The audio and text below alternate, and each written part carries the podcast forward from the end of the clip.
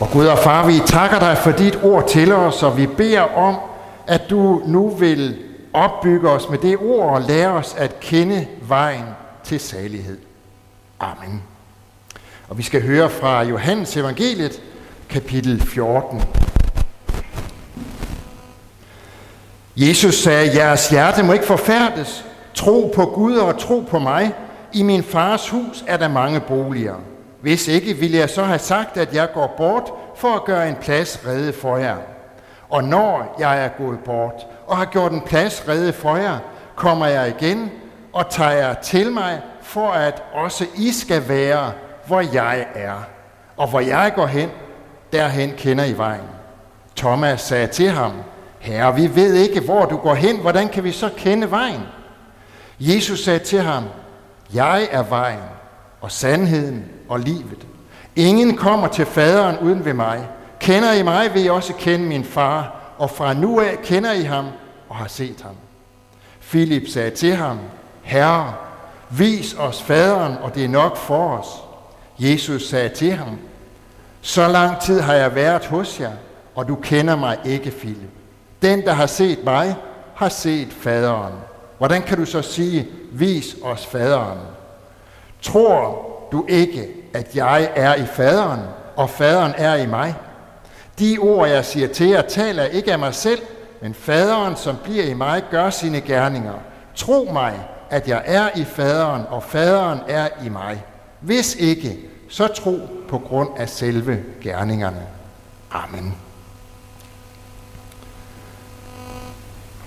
For et øh, stykke tid siden, der kunne man læse i den lokale avis, at nu var storken landet. Ikke sådan i overført betydning, som vi nogle gange bruger det, når, det, når der er født et barn, men helt konkret sådan, at storken nu var ankommet igen efter sit vintertogt til de varmere himmelstrøg. Der var nemlig ikke mindre end otte storke, der gik rundt på en mark ude i Hammer. Det er noget fascinerende med den her store fugl, som kan flyve i tusindvis af kilometer sydpå om efteråret, helt ned til det nordlige Afrika. Og når, når, når foråret det så kommer her i Danmark igen, så kan den alligevel vende tilbage, ikke bare til det samme land, eller til den samme by, eller egen, som den opholdt sig i før. Nej, den vender simpelthen tilbage til den samme rede, som den tidligere har beboet. I det område, hvor jeg tidligere var præst, i Bækmarksbro, boede der således sidste år et storkepar, som blev navngivet Kjeld og Yvonne. Og i efteråret, der drog Kjeld og Yvonne så sydpå, og da det så blev forår igen, så blev redden jo gjort klar, og der blev også installeret et kamera ved redden, for øh, at man kunne følge med i storkernes liv. For et stykke tid siden ankom Kjeld så, og så var det jo så spændende, om Yvonne også ville komme. Og sandelig, om ikke det skete for en uges tid siden. Og nu kan man så følge livet i storkereden på allernærmeste hold på live-tv på øh, øh TV MidtVest hjemmeside. Det kan man da i sandhed kalde at blive storket, men det er nu en helt anden sag. Jeg ved ikke, hvordan det er, storken den øh, bærer sig ad med at finde tilbage til det samme sted, men det må jo have noget at gøre med, at den kender vejen. Det er også det, som Jesus han taler til sine disciple om i dagens evangelium, at kende vejen. Det skal torsdag aften. Jesus har spist påskemåltid sammen med sine disciple, og under det måltid, så har han så også vasket deres fødder og indstiftet nadvånd, sådan som vi hørte om det for tre uger siden. Det, er, det var alt sammen led i hans afsked med disciplene. Og nu er han så i færd med at give dem de sidste instrukser, inden de går til Gethsemane have, hvor Jesus ved, at han skal tages til fange. Og det, som han så gør, det er, at han siger til, til dem, nu går jeg om, eller nu om, om kort tid, når jeg dør og opstår igen, så farer jeg op til vores himmelske far. Og så er det, der sker, det er simpelthen, at jeg går i forvejen og gør klar til jer, og så kommer I senere, for I kender jo vejen. Det er ligesom, faktisk ligesom når en mor eller far siger til sine børn, nu går jeg ind og sætter mand på bordet, og så kommer I lige om lidt. Der er afsked i luften den her aften. Det præger alt, hvad Jesus han siger til sine disciple. Men der er ikke mere afsked, at det også er tydeligt, øh, at øh, det ikke er en endelig afsked og et endeligt farvel, for de skal jo ses igen. Jesus går simpelthen i forvejen, for at de skal følge efter. Tre ting præger Jesu tale til disciplene denne aften. For det første, det at han vil gøre klart for dem og for os, at vi er her i verden, og så skal vi videre. For det andet, så gør han klart, hvor vejen videre frem er. Og så for det tredje, så understreger han, at der er ingen grund til at være bange. Først det her med, at øh, vi er her i verden en tid, så skal vi videre. Det er jo livets vilkår, kan man sige. Vi ved, at vi ikke er på et blivende sted her, for en dag står vi over for døden, og der må vi, om vi vil det eller ej, tage afsked med denne verden. Den bevidsthed lever vi med, for vi kan ikke komme udenom. Men når det nu er det vilkår, vi lever livet under, så er det da også det mere nødvendigt, at vi sørger for at have målet for øje.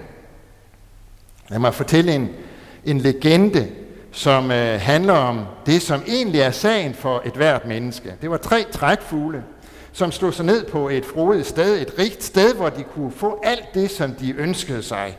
Den ene lækre spise efter den anden. Blot var det sådan, at fuglene hver gang måtte betale med en fjer, men altså bare én fjer. På det dejlige sted, der levede fuglene så sommeren igennem, og efterårets storme, de begyndte så efterhånden at blæse op. Og dagen kom, hvor de mødtes for at øh, tage afsked, for vinteren var nær. Men der var det så sådan, at en af fuglene ikke kom på vingerne. Den blev tilbage, da de andre lettede.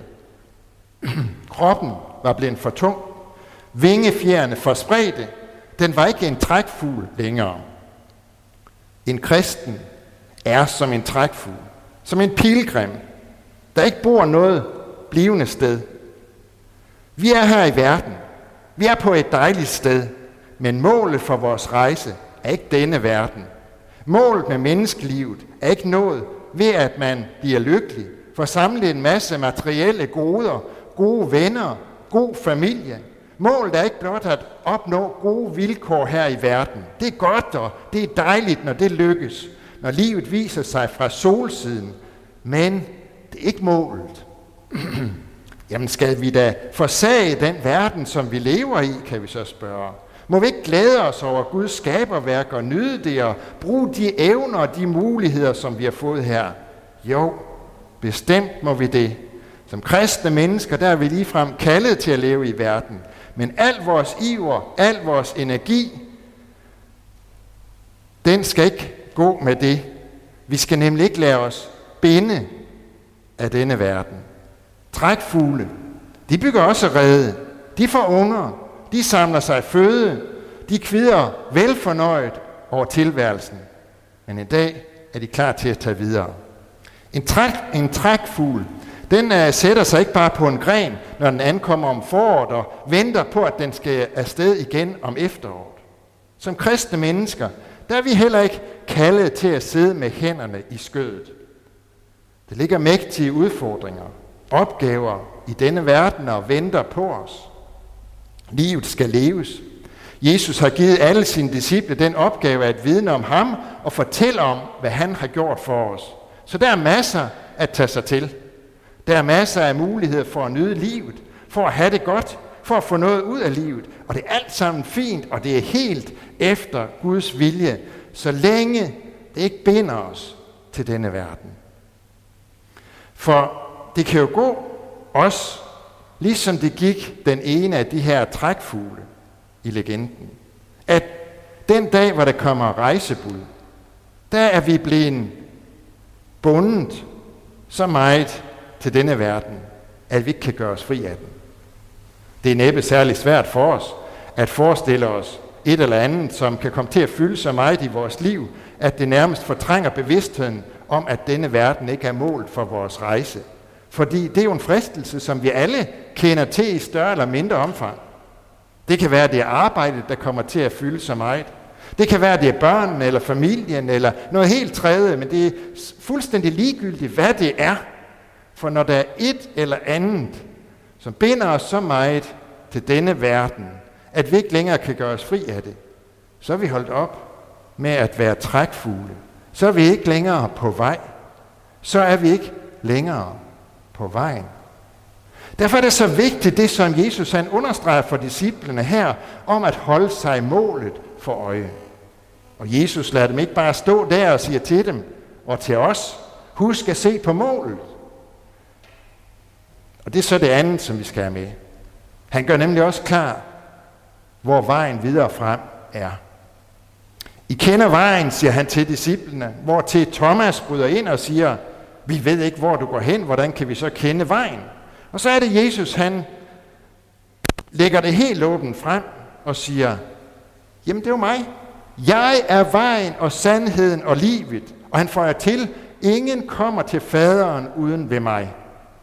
Det, som Jesus gør klart, det er, at det, altså det er jo ikke bare, hvor vejen den er, men det er også, at der kun er én vej. En eneste vej. Og den vej hedder Jesus. Jesus Kristus.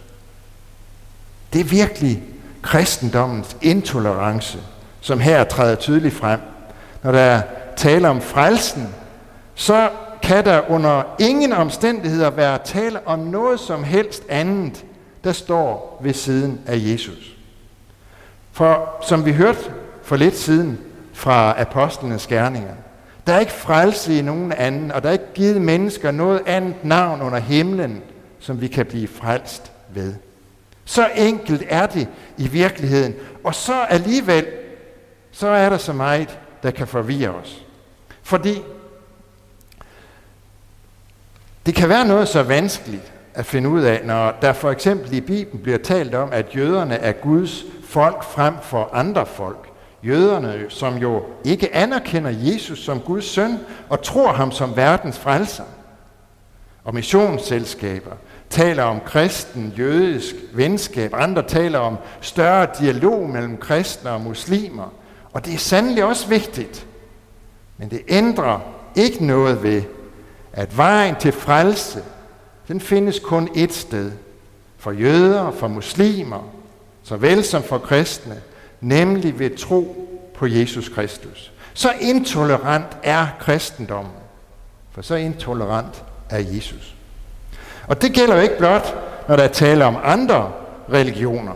Det gælder også i vores liv, at der er intet, som kan hjælpe os. Så meget som et enkelt skridt på vejen mod frelse. Det gælder uanset hvad vi gør, hvor pænt og kristent vi lever, hvor meget vi beder eller læser i Bibelen, eller hvad det nu måtte være. Intet af det er i stand til at yde os bare det mindste bidrag til vores frelse. Om det så bliver praktiseret aldrig så inderligt, for der er kun frelse et sted i Jesus Kristus. Det er vejen, og det er den vej, som vi skal holde os til at følge.